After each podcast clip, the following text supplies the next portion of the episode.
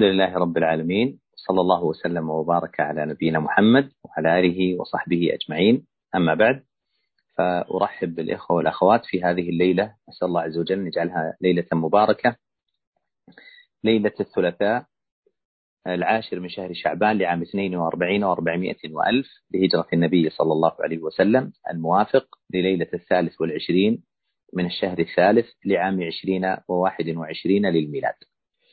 آه، أجتمع وإياكم في هذه يعني الحلقة أو هذه الجلسة ضمن السلسلة المباركة التي تقيمها جمعية دار البر بدولة الإمارات العربية المتحدة بدبي.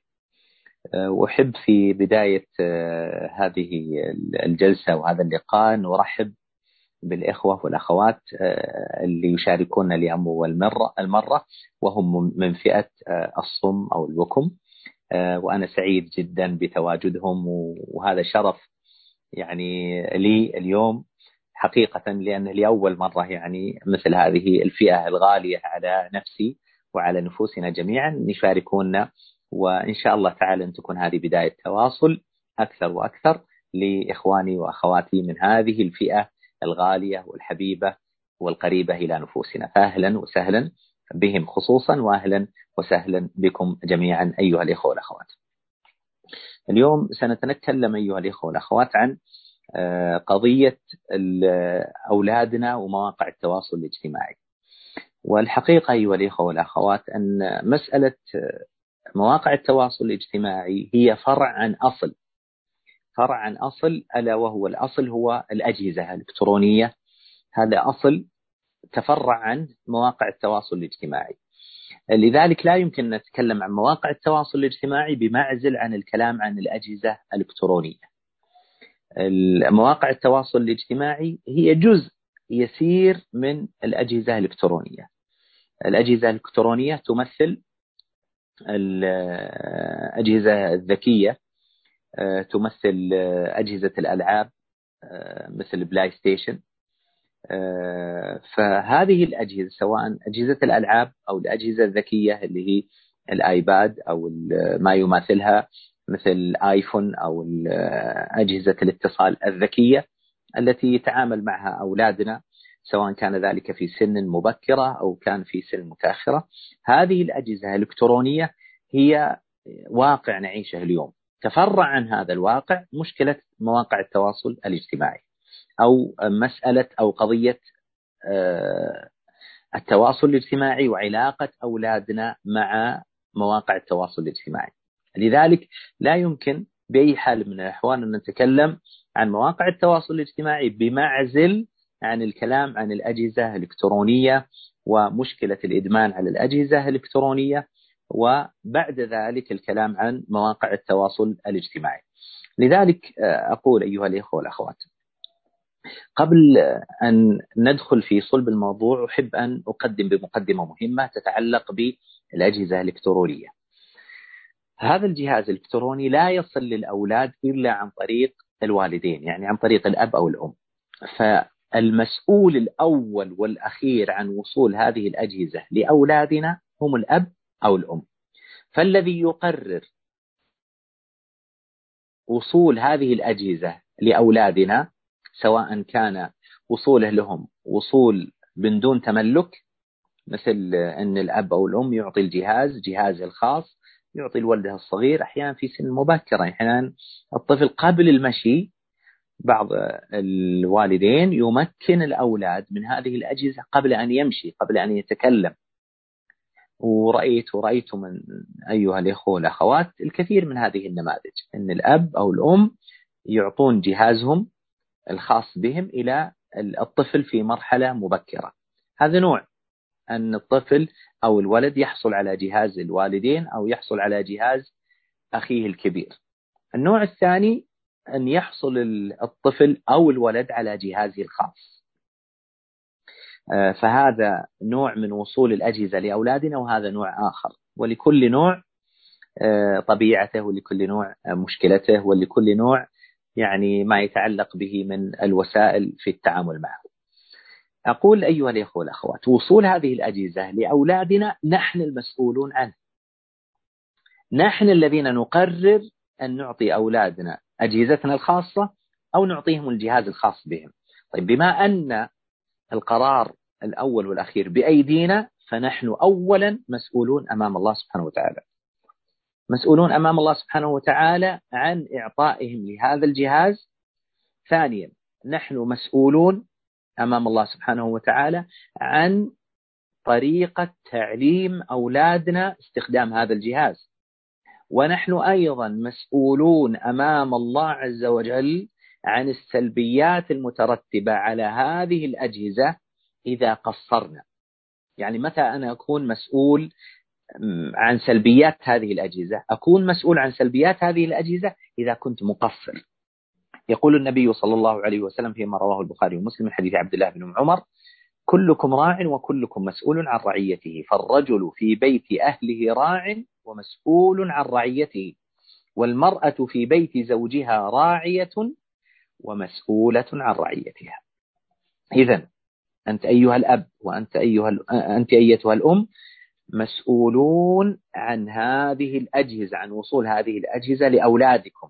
لذلك يجب عليكم أمام الله عز وجل أمانة في رقابكم وصول هذه الأجهزة لأولادكم كيف يتعاملون معها وكيف يستفيدون منها وكيف يتجنبون مخاطرها وأخطاءها وكيف ستقفون معهم بين يدي الله. وسيحاسبكم الله عز وجل إذا قصرتم في هذه المسؤولية. أريد بعد ذلك أن أشخص مشكلة الأجهزة يعني مشكلة الأجهزة الإلكترونية مع أولادنا. نريد أن نشخصها نريد أن نعرف طبيعتها. أولا الأجهزة اليوم أيها الإخوة والأخوات صارت واقع. يعني ليست المسألة اختيارية. آه، واقع من جهة أن التعليم صار مبنيا على هذه الأجهزة لا سيما في مثل هذه الجائحة. يعني لا يمكن اليوم يوجد طفل في مجتمعاتنا في داخل المدرسة لا يتعامل مع هذه الأجهزة. فاليوم هذه الأجهزة صارت واقع نعيشه ويعيشه أولادنا. يعني لسنا مخيرين في التعامل مع هذه الأجهزة. لسنا مخيرين في إعطاء أولادنا هذه الأجهزة. فهي واقع مفروض علينا اليوم شئنا أو أبينا. الأمر الثاني فيما يتعلق بهذه المشكلة أن هذه المشكلة آه، وهي سوء التعامل مع هذه الأجهزة نابع في كثير من الأحيان من القدوة السيئة من الوالدين في البيت. بمعنى آه، أحد الإخوة ممن يقدم الاستشارات الأسرية والاستشارات التربوية يتكلم مع الآباء والأمهات وقال لهم أن الذي يقضي يعني عشان نعرف الولد المدمن على الأجهزة الإلكترونية قال الذي يقضي أكثر من ست ساعات في اليوم يعتبر حسب الدراسات النفسية وحسب الدراسات التربوية أنه مدمن على الأجهزة الإلكترونية. فضجت القاعة ضحكا من الآباء والأمهات وقالوا يا دكتور قبل أن نسعى لعلاج أولادنا نحتاج أن نعالج أنفسنا. فمن جزء من المشكلة أيها الإخوة والأخوات فيما يتعلق بعلاقة أولادنا بهذه الأجهزة الذكية الأجهزة الإلكترونية جزء من المشكلة هو نابع من تعاملنا نحن الآباء والأمهات مع هذه مع هذه المشكلة. الأمر الذي يلي فيما يتعلق بمشكلة تعامل أولادنا مع الأجهزة الإلكترونية أن كثير من الآباء والأمهات لا يدركون مخاطر هذه الأجهزة أو إدمان هذه الأجهزة على على أولادنا. بمعنى الجهاز أيها الإخوة والأخوات مثل أي أداة أو وسيلة يستخدمها الإنسان. قد يستخدمها بطريقة صحيحة فلا يكون هناك مشكلة وقد يستخدمها بطريقة غير صحيحة فتكون هناك مشكلة وربما تكون هذه المشكلة مشكلة كبيرة جدا قد تؤدي إلى تدمير الإنسان. مثلا أضرب لكم مثال سهل وبسيط يعني السكين موجودة في كل بيت. هذه السكين يمكنك أن تستخدمها الاستخدام الصحيح في الأكل تقطيع الخضروات الفاكهة. استخدامها للطبخ بطريقة صحيحة وموجودة في كل بيت وموجودة في كل سوبر ماركت. هذه الآلة الموجودة والسهل الوصول إليها والكل يستخدمها حتى الأطفال ممكن أن تكون أداة قتل يقتل بها أكثر من شخص. وتتسبب في مشكلة كبيرة جدا تتلف الأنفس وتريق الدماء والعياذ بالله. كذلك هذه الأجهزة أيها الإخوة والأخوات كثير من الناس يعتقد أنها مجرد آلة للاستمتاع للهو للترفيه ويغيب عن أن هذا الجهاز قد يكون أداة قتل.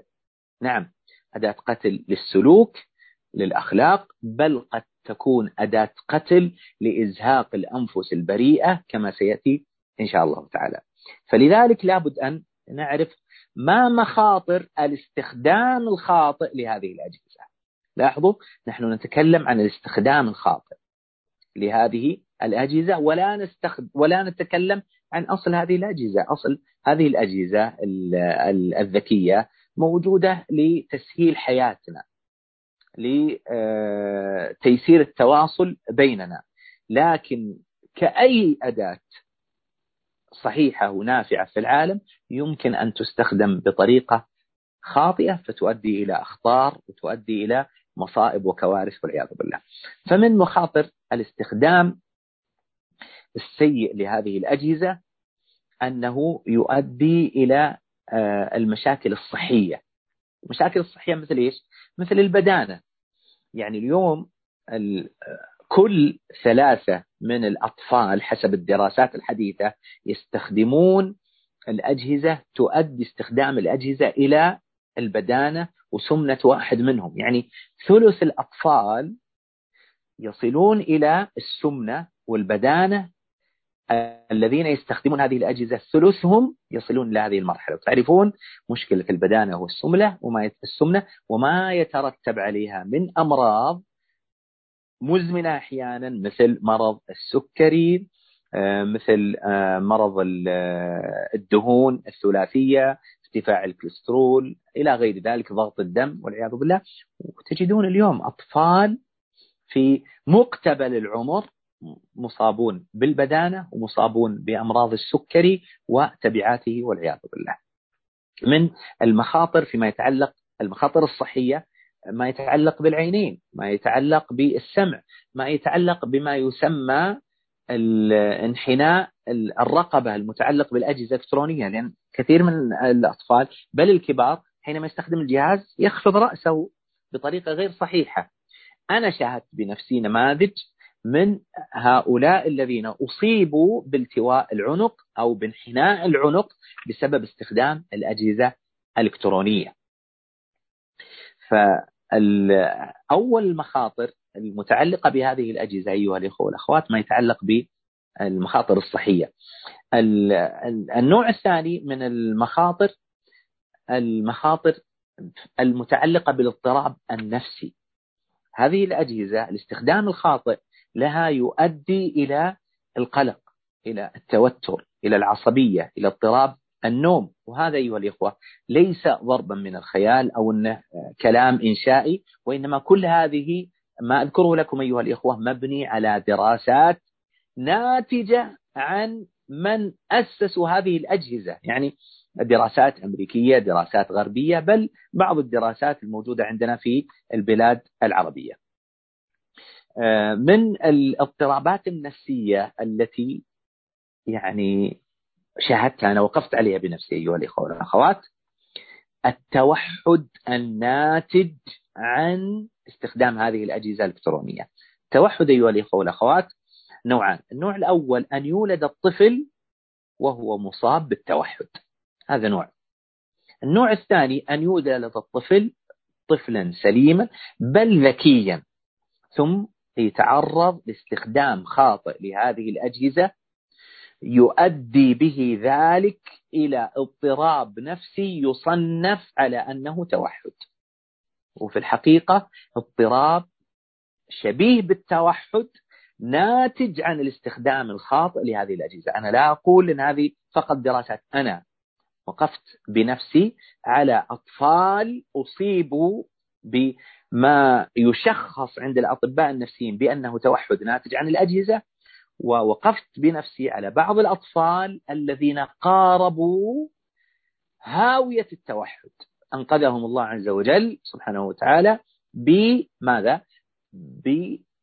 بالحل والعلاج بإبعاد الأجهزة عنهم وبعض المشتغلين بالعلاج لهذه الحالات وصل إلى أكثر من خمسة آلاف طفل هو مشخصهم دونهم خمسة آلاف طفل شخصوا بأنهم مصابون بالتوحد تعافوا بعد خطة علاجية تتضمن التخلص من استخدام الأجهزة الإلكترونية بطريقة بطريقة خاطئة.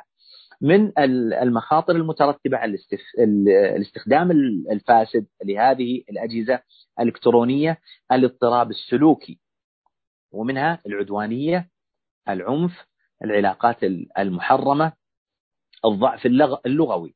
يعني بعض الأطفال يصل عمره إلى خمس أو ست سنوات لا يستطيع أن يتكلم. إذا تكلم كأنه طفل أبوه سنتين أو ثلاث سنوات. والسبب هو الاستخدام الخاطئ لهذه لهذه الأجهزة. من الأخطار المتعلقة بهذه الأجهزة أيها الإخوة؟ الاضطراب الحركي. لماذا؟ لأن الطفل لم يعد يستخدم من أجهزته وحاسه إلا ثلاث حواس اللي هي السمع والبصر واللمس. فتجد الطفل عنده مشكلة في الحركة. بمجرد أي مجهود جسمي فإن الطفل يصاب بالوهن يصاب بالتعب ويصاب يصاب بالضعف. من الاضطرابات المتعلقة ب ما يسمى بالاستخدام الخاطئ للأجهزة الإلكترونية أنه يدمر الذكاء الاجتماعي والعاطفي عند عند الأولاد. بمعنى الطفل الذي يصبح ويمسي وهو على هذه الأجهزة لا يستطيع أن يتعامل مع الناس لأن طول حياته أو طول وقته يعيش في الواقع الافتراضي. واقع الأجهزة الإلكترونية ألعاب آه، آه، يعني أفلام كرتونية مثلا آه، أمور حركية مثل الأناشيد التي تسمى أناشيد الأطفال هذا الطفل الذي يعيش أو الولد الذي يعيش هذا الواقع الافتراضي مثل أيضا مواقع التواصل الاجتماعي وش يحصل له؟ يحصل له أنه حينما يعيش في الواقع الحقيقي أنه لا يستطيع أن يتعامل مع الواقع الحقيقي لأنه لم يحصل بينه وبين الواقع الافتراء الواقع الحقيقي لم يحصل هناك تواصل. أحد الأطباء السلوكيين أو المستشارين السلوكيين يتكلم عن تجربته أن إحدى الأخوات اشتكت إليه من زوجها. مش مشكلة زوجها يروح العمل يقضي ثمان ساعات تقريبا يرجع ينام يتغدى ثم بعد ذلك يجلس على يجلس على الأجهزة الإلكترونية والألعاب الإلكترونية إلى وقت النوم ثم ينام. يقول المعالج أني طلبت منها أنه يحضر معها العيادة. لما حضر العيادة تدرون وش كانت المصيبة أن هذا الرجل اللي تزوج لا يستطيع أن يتكلم كلمتين على بعضها مثل ما يقال يعني كلمتين يتواصل بها مع المعالج مع المستشار السلوكي النفسي بسبب تراكم يعني تراكم سلبيات الأجهزة الإلكترونية عليه منذ الصغر إلى أن تزوج أيها أيها الإخوة والأخوات. من يعني المخاطر التي كل يعني الناس أو عفوا أكثر الناس سمعوا بها إنها وصلت في يوم من الأيام ببعض الأولاد ببعض الأطفال أنها وصلت إلى حد الانتحار والعياذ بالله بسبب بسبب هذه الأجهزة واستخدام السيء لهذه الأجهزة. بعد ذلك أيها الإخوة والأخوات آه، أنتقل إلى آه، الحلول العملية التربوية لحل هذه المشكلة فيما يتعلق بالأجهزة الإلكترونية عموما وما يتعلق بمواقع التواصل الاجتماعي خصوصا. ذكرت لكم هذه الأخطار هذه المخاطر كلها تنطبق على الأجهزة الإلكترونية وتنطبق في نفس الوقت على مواقع التواصل الاجتماعي التي هي فرع عن مشكلة الاستخدام السيء للأجهزة الإلكترونية. أول يعني الحلول العملية ابدأ بنفسك. ابدأ بنفسك فانهها عن غيها فإذا انتهت عنها فأنت حكيم. يا أيها الرجل المعلم غيره هل لنفسك كان التعليم؟ تصف الدواء لذي السقام وذي الظنا كيما يصح به وأنت سقيم. مستحيل. لا يمكن أن أولادنا يستخدمون الأجهزة الإلكترونية ومواقع التواصل الاجتماعي بطريقة صحيحة إذا كان المربي أبا كان أو أما إذا كانوا يستخدمون استخدام سيء. يعني الأب كم يستخدم الجهاز في بيته؟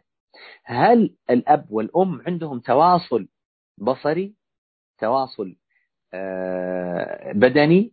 تواصل لفظي تواصل لحظي تواصل معنوي مع أولادهم.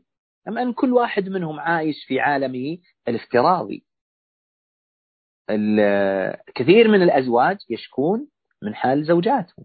وكثير من الزوجات يشكون من حال أزواجهم وانشغالهم بالأجهزة الإلكترونية. حتى صار الزوج أكثر وقته مع عالمه الافتراضي والزوجة أكثر وقتها مع عالمه الافتراضي. إذا كان أحد الزوجين أو كلا الزوجين يعيشون عالمهم الافتراضي مع هذه الأجهزة حتما سينتجون أولاد يستخدمون هذه الأجهزة استخداما سيئا وخاطئا. لذلك أدعو نفسي أولا وأنا أعترف على نفسي بالتقصير وأسأل الله سبحانه وتعالى أن يعيني ومما يعين على الحل في ذلك أيها الإخوة والأخوات. أن يجلس الوالدان. جلسة مصارحة وجلسة حقيقة واعتراف بالخطأ والبحث عن حلول كلاهما. الأمر الثاني أن يستخدم الوالدان التطبيقات التي تحد من استخدام الجهاز. يعني الأب والأم كل واحد منهم يستخدم التطبيقات والحلول التقنية والإلكترونية التي تساعد على الحد من استخدام الأجهزة الإلكترونية. الأمر الثالث أنك تجعل من روتينك اليومي أنك إذا دخلت البيت ألا تنشغل بأجهزتك فترة معينة. يعني اجعل الساعة الأولى الساعتين الأولى تكون متفرغ تماما للجلوس مع مع أولادك. أيضا لا تكن ممن يفتح عينه ويغلق عينه على الأجهزة. من علامات الإدمان على الأجهزة أيها الإخوة والأخوات أن يكون الشخص يفتح عينيه على الأجهزة منذ أن يستيقظ من النوم. وعلى طول أول ما يبدأ به قبل الأذكار وقبل الصلاة وقبل الوضوء أن يبدأ بأن يفتح الجهاز وأن يدخل ليتصفح مواقع التواصل الاجتماعي أو غيرها من المواقع. أو أنه يظل مع جهازه حتى النوم فيغلق عينيه على النوم. فلا تكن ممن يفتح عينيه ويغلق عينيه على على هذه الأجهزة. إذا استطاع الوالدان بإذن الله تعالى معرفة كيف يتعاملون مع هذه الأجهزة بطريقة صحيحة هذا هو الحل الأول والخطوة الأولى لمعالجة أولادنا والتعامل مع هذه الأجهزة والعلاقة الصحيحة بين أولادنا وبين هذه الأجهزة. الأمر الثاني أن هذا الجهاز إذا أعطيته أولادك لابد أن يكون العطاء باليمين والنظام باليد الأخرى. يعني نظام استخدام هذا الجهاز. لابد أن يكون لهذا الجهاز في البيت نظام. أي بيت بدون نظام وأي شيء في البيت بدون نظام سيؤدي إلى الفوضى. أولادك عندهم نظام في الأكل وعندهم نظام في الشرب وعندهم نظام في الدخول وعندهم نظام في الخروج. لابد أن يكون عندهم نظام أيضا في استخدام هذه الأجهزة ولابد أن نعرف أن الأب والأم إذا لم يضعوا النظام بأنفسهم فسيتولى الأولاد بأنفسهم وضع النظام كيف؟ يعني أنت إذا أعطيت الولد الجهاز بدون نظام وبدون آه، أي ضوابط وش سيكون؟ معناها هو الذي سيصوغ النظام وما النظام عنده أن يكون الجهاز معه طول الوقت وأن يستخدمه بالطريقة التي يريدها وحينما تريد في يوم من الأيام أن تغير نظامه الذي وضعه بنفسه فسيمانع ستكون عنده ممانعة وسيأتي العناد وسيأتي ماذا؟ ستأتي العصبية وسيأتي البكاء وسيأتي الاكتئاب وسيأتي ربما تكسير الأشياء إلى غير ذلك من طرق التي يستخدمها الأولاد لابتزاز والديهم والضغط عليهم لإرجاع لإرجاع هذه الأجهزة وفرض قانونهم على على الوالدين. من المهم في ذلك أيها الإخوة والأخوات ألا نستسلم لابتزاز أولادنا. كيف ابتزاز الأولاد؟ الأولاد يستخدمون معنا عدة طرق لننصاع إلى طلباتهم.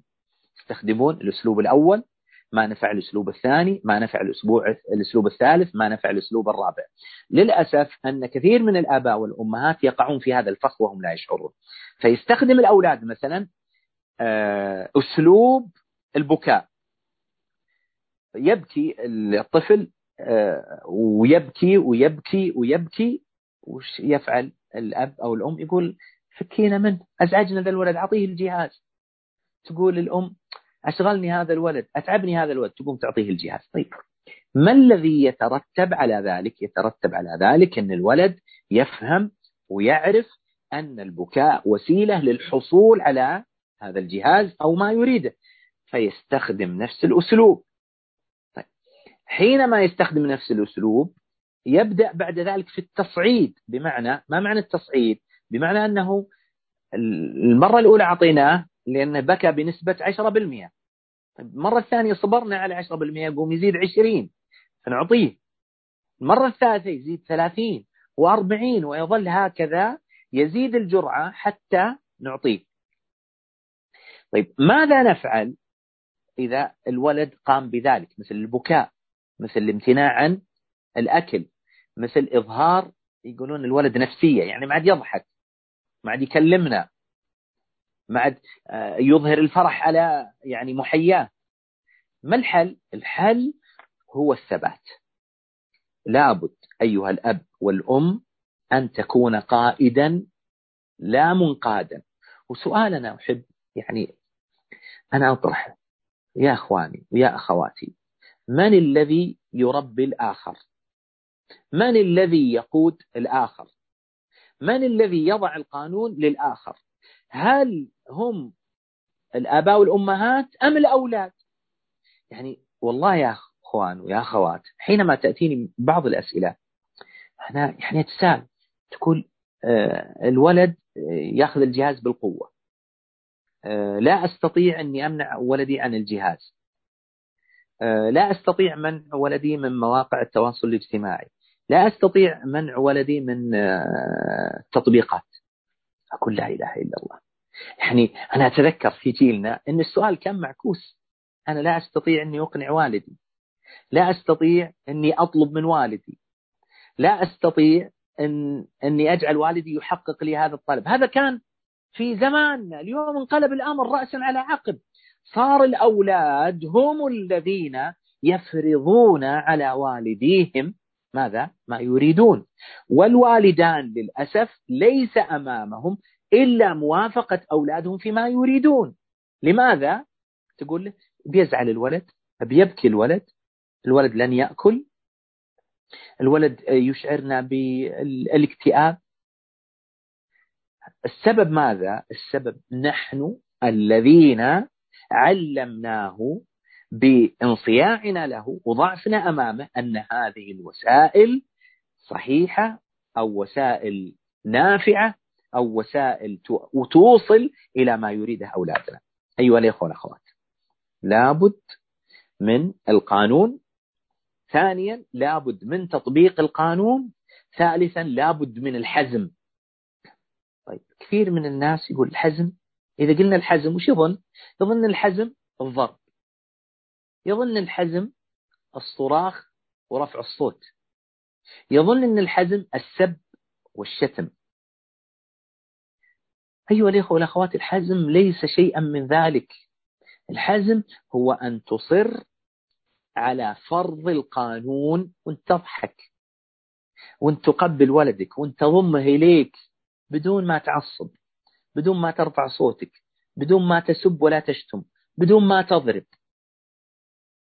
الحزم أن تصر على القانون والنظام الذي فرضته في البيت ولا تتزعزع عنه بابتزاز الأولاد. من الوسائل المعينة على ضبط هذه الأجهزة الإلكترونية واستخدام الاستخدام الصحيح إيجاد البدائل إيجاد البدائل للأولاد. يعني بعض الوالدين بعض الآباء والأمهات منشغل عن أولاده. ولا أو وفر لهم ولا بديل بس ياخذ منهم الجزاء ويقول يلا روحوا. مع السلامة. اجلس في الصالة سوي اللي تبي ما عندي لك شيء. طيب.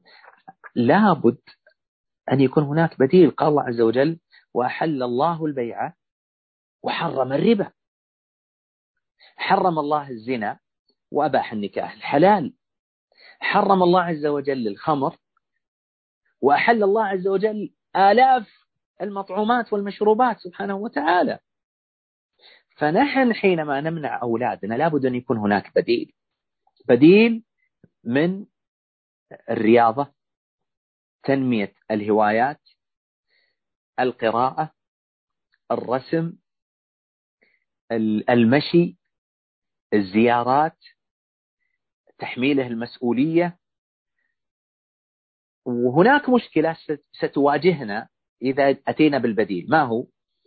أن الأولاد يشعرون بالملل بالطفش. يقولون هذه أشياء مطفشنا تمللنا. لا تتزعزع ولا تشعر بالذنب حينما يقول لك أولادك أنهم ملوا من هذه الأشياء. لا بد أن تشغل أولادك بالتعليم. إيش معنى التعليم؟ يعني إذا كنت قادر على أن يكون هناك معلم مدرس معلمة مدرسة تعلم أولادك اللغات الأخرى تعلم أولادك وتقويهم في ما هم فيه ما عندهم من ضعف في مهاراتهم آه، في ما عندهم من ضعف في دراستهم بمعنى أن لابد أن نوجد نوجد البديل الأمر الذي يليه لابد أن نطلع أولادنا ونبين لهم خطر هذه الأجهزة. قبل أن نأخذ هذا الجهاز أو نفرض القانون لابد أن نحاول إقناع الأولاد بخطر هذه الأجهزة. يعني اليوم سمعنا وسمعوا الأخوات هذه الأخطار كلها. الأخطار الصحية الأخطار السلوكية الأخطار النفسية الأخطاء الأخطار البدنية. كل هذه الأخطار وهذه المشاكل لازم يفهمها الأولاد لازم يعرفوها. لابد أن نأتي لهم بمقاطع نبين لهم المشكلة نجلس مع أولادنا نبين لهم أننا حينما نمنعهم أو نضع القانون لهذه الأجهزة أن لسنا أعداء لهم. أننا لسنا أعداء لفرحهم لسنا أعداء لتسليتهم لسنا أعداء للترفيه نحن معهم لكننا لابد أن نبين لهم أن هذه الأجهزة إذا لم يكن هناك نظام وإذا لم يكن هناك قانون فإن هذا سيؤدي إلى خطر عظيم. وهذا الخطر هو أنهم يعيشون في ماذا؟ يعيشون في واقع افتراضي بعيد عن الواقع الحقيقي الأمر الذي يليه في الحل مع هذه الأجهزة أن نعرف ما الذي يشد أولادنا لهذه الأجهزة تدرون ما الذي يشد أولادنا لهذه الأجهزة أنهم يعيشون حياة ممتعة في هذه الأجهزة كيف؟ في هذه الأجهزة هو يكون بطل عبر الألعاب. قد يكون معشوق ومحبوب ومقدر عبر العلاقات في مواقع التواصل الاجتماعي. عنده مسؤولية يبني ويهدم ويتملك ويسيطر ويبيع ويشتري. لاحظوا الواقع الافتراضي الذي يعيشه هذا الولد ذكرا كان أو أنثى عالم وردي. يجد فيه ذاته يجد أنه مقدر يجد عنده مسؤوليات يجد عنده وجود لذاته وتقدير لذاته. تجد البنت ما يوم من الأيام سمعت كلمة حلوة الجهاز عبر هذا الجهاز تسمع في اليوم مليون كلمة حلوة وتقدير لذاتها ومدح لشخصيتها ومدح لجسمها ووجهها وفستانها ومكياجها. الولد عنده جفاف عاطفي. يجد في هذه الأجهزة من يعطيه الحب من يعطيه التقدير. يجد الولد يعيش بطل في لعبة السلاطين وعنده مملكة ويهادن ويهاجم وينتصر ويبيع ويشتري. بمعنى أن عندهم عالم جميل لكن عالم افتراضي. فإذا أردنا أن ننقلهم للعالم الحقيقي وجد أنه عالم بائس يسب ويشتم ولا يقدر ولا يعطى مسؤولية ولا يوثق به ويعامل على أنه طفل ويعامل على أنه مريض ويعامل على أنه متهم ويعامل على أنه مجرم ويعامل على أنه لا يصلح لشيء. فالعالم الافتراضي عالم وردي والعالم الحقيقي الذي نجره إليه عالم أسود. كيف يمكن للولد أن يتخلى عن العالم الوردي الجميل؟ ولو كان افتراضيا إلى العالم الأسود ولو كان حقيقيا. إذا وش الحل؟ الحل لابد أن نجمل العالم الحقيقي لأولادنا. لابد أن يعيشوا جمال العالم الحقيقي عبر العلاقة العاطفية عبر العلاقة الأبوية عبر التواصل الاجتماعي الصحيح.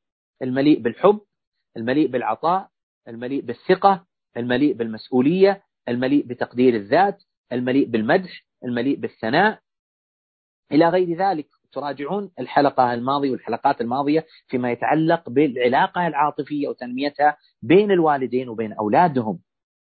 فالذي يريد أن ينتشل أولاده من العالم الافتراضي الوردي الكاذب المزيف لا يمكن أن يحصل ذلك وهو لم يهيئ البيئة الجميلة في العالم الحقيقي. لابد أيها الآباء والأمهات أن نبني علاقة بيننا وبين أولادنا بما تقدم ويمكن للوالدين أن يرجعوا إلى مثل إلى مثل ذلك من يعني إلى مثل هذه الحلقة في حلقات ماضية آه، متعلقة بتربية الأولاد ولله الحمد والمنة آه، والشكر لله سبحانه وتعالى. ثم لإخواني في جمعية دار البر لي ساعات كثيرة موجودة في اليوتيوب. فيما يتعلق بتربية الأولاد بالتربية عن طريق الحب وغيرها من الحلقات يمكن للإخوة والأخوات أن أن يرجعوا إليها. الأمر الأخير الذي أختم به أيها الإخوة والأخوات أن نعرف هل أولادنا مصابون بالإدمان ويحتاجون إلى علاج أم أنهم دون ذلك. الإدمان على الأجهزة الإلكترونية له أعراض. هذه الأعراض ظهرت على الشخص يعتبر من المدمنين للأجهزة الإلكترونية ويحتاج إلى علاج. يعني لابد الأب والأم يعالجون هذا الولد من إدمان الأجهزة الإلكترونية. أول أعراض الأجهزة الإدمان أن يتجاوز الحد الطبيعي يعني إذا تجاوز أكثر من ست ساعات فإنه يعتبر مدمن على الأجهزة الإلكترونية. الثاني أن الولد إذا سحب منه الجهاز فإنه يعاني من أعراض الاكتئاب أعراض القلق أعراض التوتر العدوانية العنف. آه، من أعراض الإدمان ما تقدم أنه يفتح عينيه ويغمض عينيه على هذه الأجهزة. من أعراض الإدمان على الأجهزة الإلكترونية انقطاعه عن العالم الحقيقي بمعنى دائما يرغب أنه يكون مع الجهاز أن يكون منفرد لا يحب الخروج من البيت. يعني أحد يعني أحد الأولاد يقول أنا تجاوزت مسألة أني بيتوتي إلى أني صرت غرفوفي. غرفوفي يقول الناس يقولون بيتوتي يعني البيت. لا أنا ما عدني في البيت. أنا صرت غرفوفي يعني صرت مغلق على نفسي في الغرفة. إذا صار الولد أو ذكرا كان أو أنثى يعاني من هذه الأعراض أيها الإخوة والأخوات فهذا يعني أنه من المدمنين على هذه الأجهزة مما يحتاج إلى علاج. أسأل الله سبحانه وتعالى أن يوفقني وإياكم إلى ما يحبه ويرضاه إنه على كل شيء قدير. وآخر دعوان الحمد لله رب العالمين وصلى الله وسلم وبارك على نبينا محمد وعلى آله وصحبه أجمعين. ومثل هذا الموضوع أيها الإخوة والأخوات يحتاج يعني إلى حلقات كثيرة. يعني فأنا أعتذر بسبب ضيق الوقت أني اختصرت المادة جدا جدا جدا. لكن لعل الله عز وجل أن يتيح يعني بإذن الله تعالى في القادم أن تكون هناك سلسلة كاملة في التعامل مع الأجهزة الإلكترونية. نعم. جزاكم الله خيرا شيخنا الفاضل وأسأل الله أن يبارك فيكم ويسدد خطاكم. أه تسمحون ببعض الأسئلة شيخنا؟ حسب حسب ما يتيسر من الوقت إن شاء الله. من يريد أن يسأل سؤال شفهي ممكن آه، يعني يرفع إشارة رفع اليد بإذن الله تعالى. عندي السؤال الأول هنا أه أي نعم كيف توصل الأجهزة الإلكترونية الطفل إلى حد الانتحار؟ نعم. آه، كيف توصله إلى حد الانتحار؟ لأنه مثل ما تقدم يعيش عالم افتراضي غير واقعي. مثل ما يوصل غسيل الدماغ المتطرفين إلى أنه ينتحر. يعني هؤلاء المتطرفون كيف ينتحرون؟ ينتحرون عبر مراحل من غسيل الدماغ. كذلك الذين ينتحرون عبر الأجهزة الإلكترونية يمرون بمراحل طويلة ومتعددة حتى يصل إلى مرحلة الانتحار والعياذ بالله. حتى يصل الطفل أو الولد يرى أن موته أسهل من بقائه وأهون من بقائه في هذه الحياة والعياذ بالله. وهناك نماذج ليست بالقليلة. والعياذ بالله. نعم.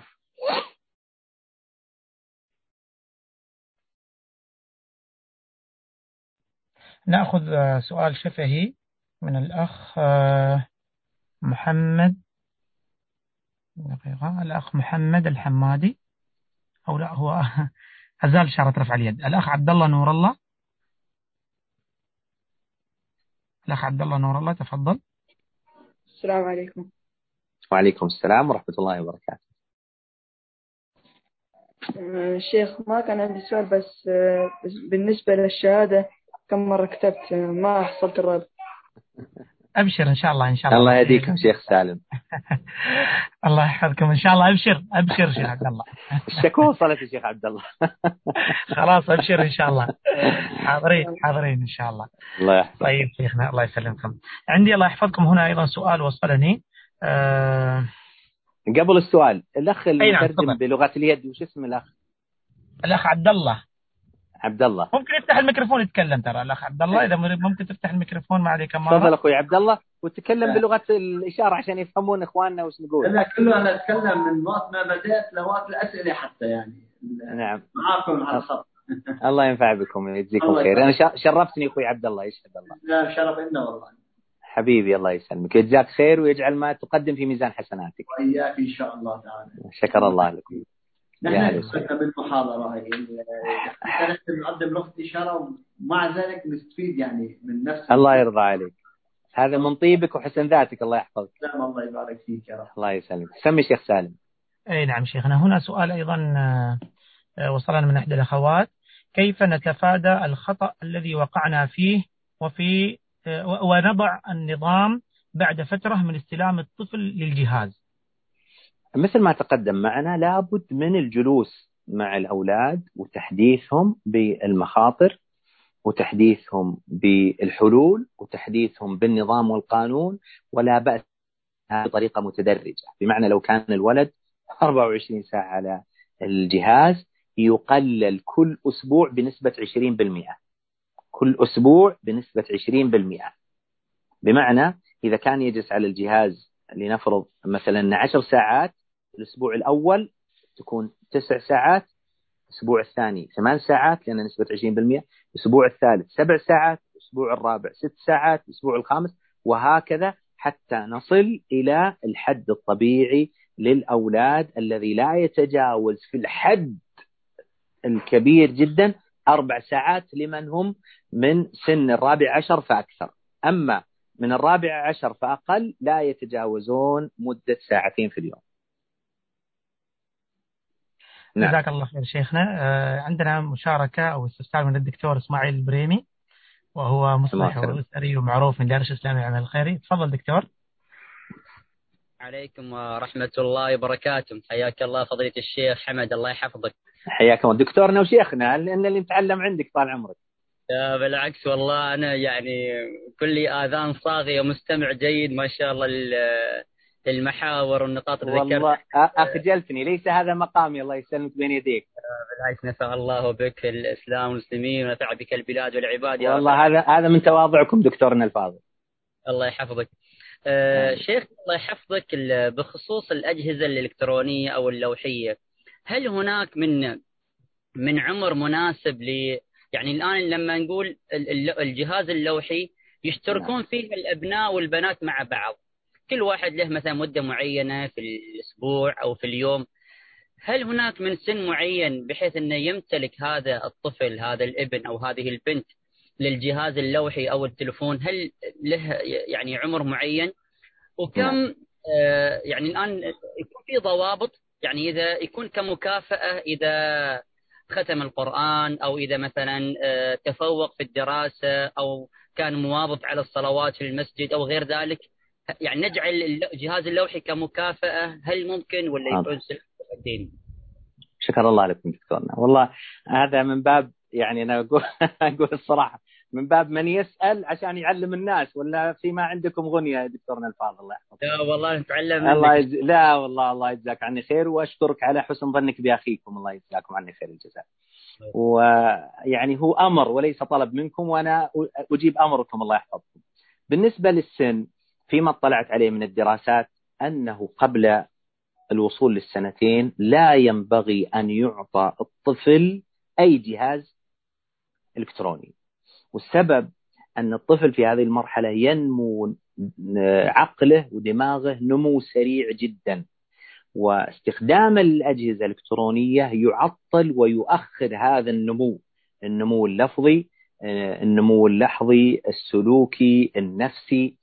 فالدراسات تشير على أنه لا يصح أن يعطى الطفل ما قبل السنتين الجهاز تماما. ما بعد السنتين يعطى في اليوم كله ما لا يزيد عن ساعة ومع إشراف الوالدين. إلى سن ما يقارب السادسة. ثم بعد ذلك يزاد إلى ساعتين إلى سن الرابعة عشر. ثم بعد ذلك يزاد إلى أربع ساعات. متى يعطى الطفل الجهاز الذي يتملكه تملكا خاصا؟ ليس هناك ضابط معين وإنما هذا يرجع إلى تقدير الوالدين. المهم أنه سواء كان الجهاز ملكا له يعني هو خاص به من خصوصياته أو كان مشاعا ومشتركا لابد أن يكون هذا بقانون. يعني بعض الناس يظن أن القانون فقط إذا كان الجهاز مشترك بين الأولاد. القانون سواء كان مشتركا أو سواء كان خاصا. بمعنى مثلا في هذه الأيام لابد أن يكون عند كل ولد من الأولاد جهازه الخاص. والسبب أن الدراسة في وقت واحد على الأجهزة الإلكترونية. فعندي مثلا ثلاثة أولاد كلهم يدرسون في وقت واحد عبر ماذا؟ عبر الأجهزة. كل واحد عنده جهاز. طيب هذه الأجهزة إذا أعطيت للولد وصارت من خاصته فيجب أن يكون هذا بنظام وقانون في أخذه طريقة التعامل طريقة التعامل معه بمعرفة مفاسده معرفة أخطاره كيف كيف يستفاد كيف يستفاد منه. نعم. جزاكم الله خير شيخنا. هنا سؤال أيضا آه إذا كان رب البيت هو نفسه مدمن على الأجهزة فما هو الحل؟ إذا كان رب البيت بالدف ضاربا فشيمة أهل البيت كلهم الرقص مثل ما تقدم يعني يحاول وكل واحد منا مثل ما تقدم أسأل الله عز وجل أن يصلحنا وأن يهدينا مثل ما تقدم كل واحد منا لابد أن يحاول أن يكون قدوة حسنة لأولاده في ذلك ونسأل الله عز وجل أن يعيننا على ذلك.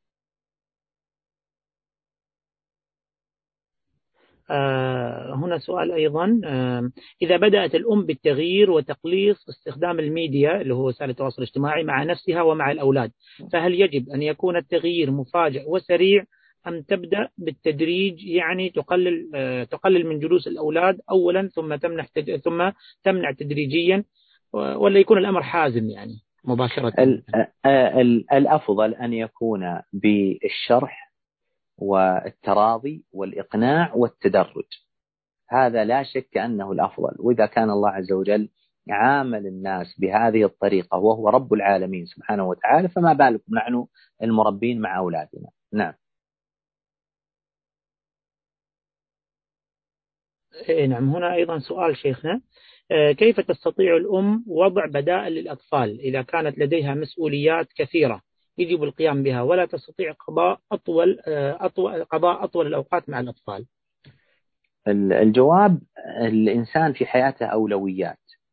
أعظم أولوية للإنسان في حياته هي عبادة الله سبحانه وتعالى. ثم الواجبات اللي أوجبها الله عز وجل عليه ومنها الأولاد. يعني من المعيب أن المرأة مثلا تقصر في حق أولادها من أجل ماذا؟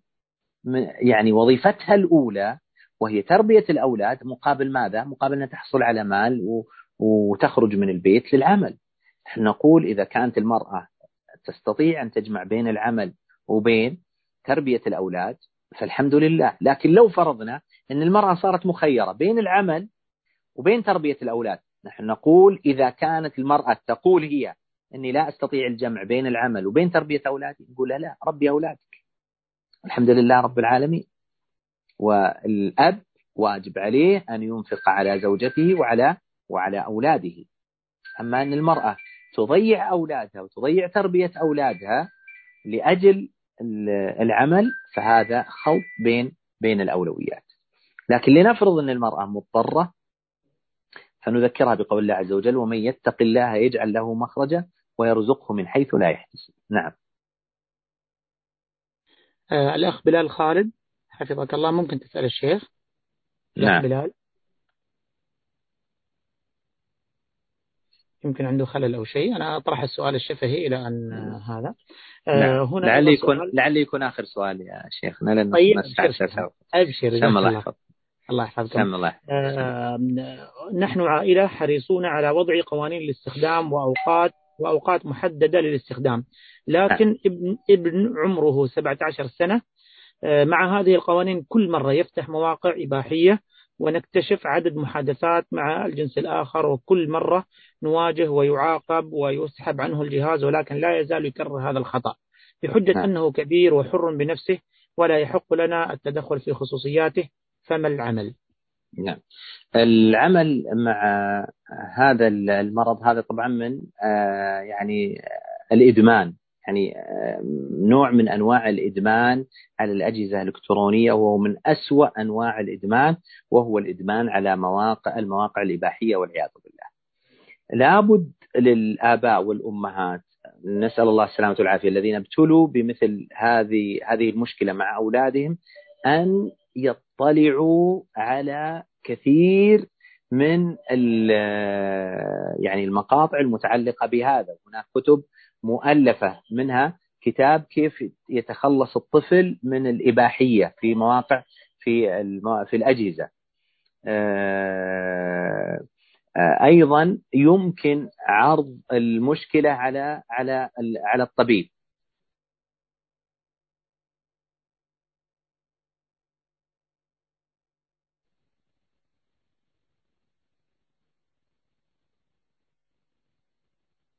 نعم.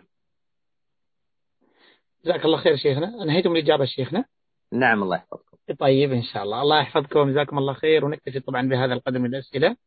وأسأل الله أن يبارك فيكم ويعينكم. وصراحة محاضرة جدا جميلة. الله يحفظكم. من جمالك مثل ما يقولون مثل ما يقولون استأنسنا بكم شيخنا. الله يحفظكم. الله يحفظكم ويرضى عليك ويسلمك. الله يسلمكم. جزاكم الله خير. ممكن إذا تريدون تختمون بأمر أو وصية أو شيء ولا؟ نعم وصيتي لنفسي وإخواني وأخواتي أن يستعينوا بالله سبحانه وتعالى ولا ييأسوا. ترى يعني مهما كبر الأولاد يمكن استصلاحهم وهدايتهم. آه، في البخاري جاء العلم والدين والإيمان لأصحاب النبي صلى الله عليه وسلم وهم كبار. يعني كانوا كفار وكبروا على هذا الكفر والشرك بالله عز وجل ثم هداهم الله سبحانه وتعالى. أصحاب النبي صلى الله عليه وسلم منهم الطفل ومنهم الشاب ومنهم الكهل ومنهم الشيخ ومنهم العجوز رضي الله عنهم وأرضاهم. كانوا على الشرك وعلى الكفر وعلى شرب الخمر والزنا وقطع الطريق والسرقة إلى غير ذلك من الجرائم. ومع ذلك لما جاءهم العلم والدين والإيمان هداهم الله سبحانه وتعالى. فلا ييأس الأب ولا ييأس الأم مهما بلغ أولادهم من الخطأ أو السوء في السلوك أو في الكبر في السن. لأنه يمكن التغيير متى ما جمع الإنسان بين النية الصحيحة وبين العمل الصحيح. أسأل الله سبحانه وتعالى أن يهب لنا من أزواجنا وذرياتنا قرة أعين وأن يجعلنا المتقين إماما إنه على كل شيء قدير. وآخر دعوانا الحمد لله رب العالمين. صلى الله وسلم وبارك على نبينا محمد وعلى آله وصحبه أجمعين.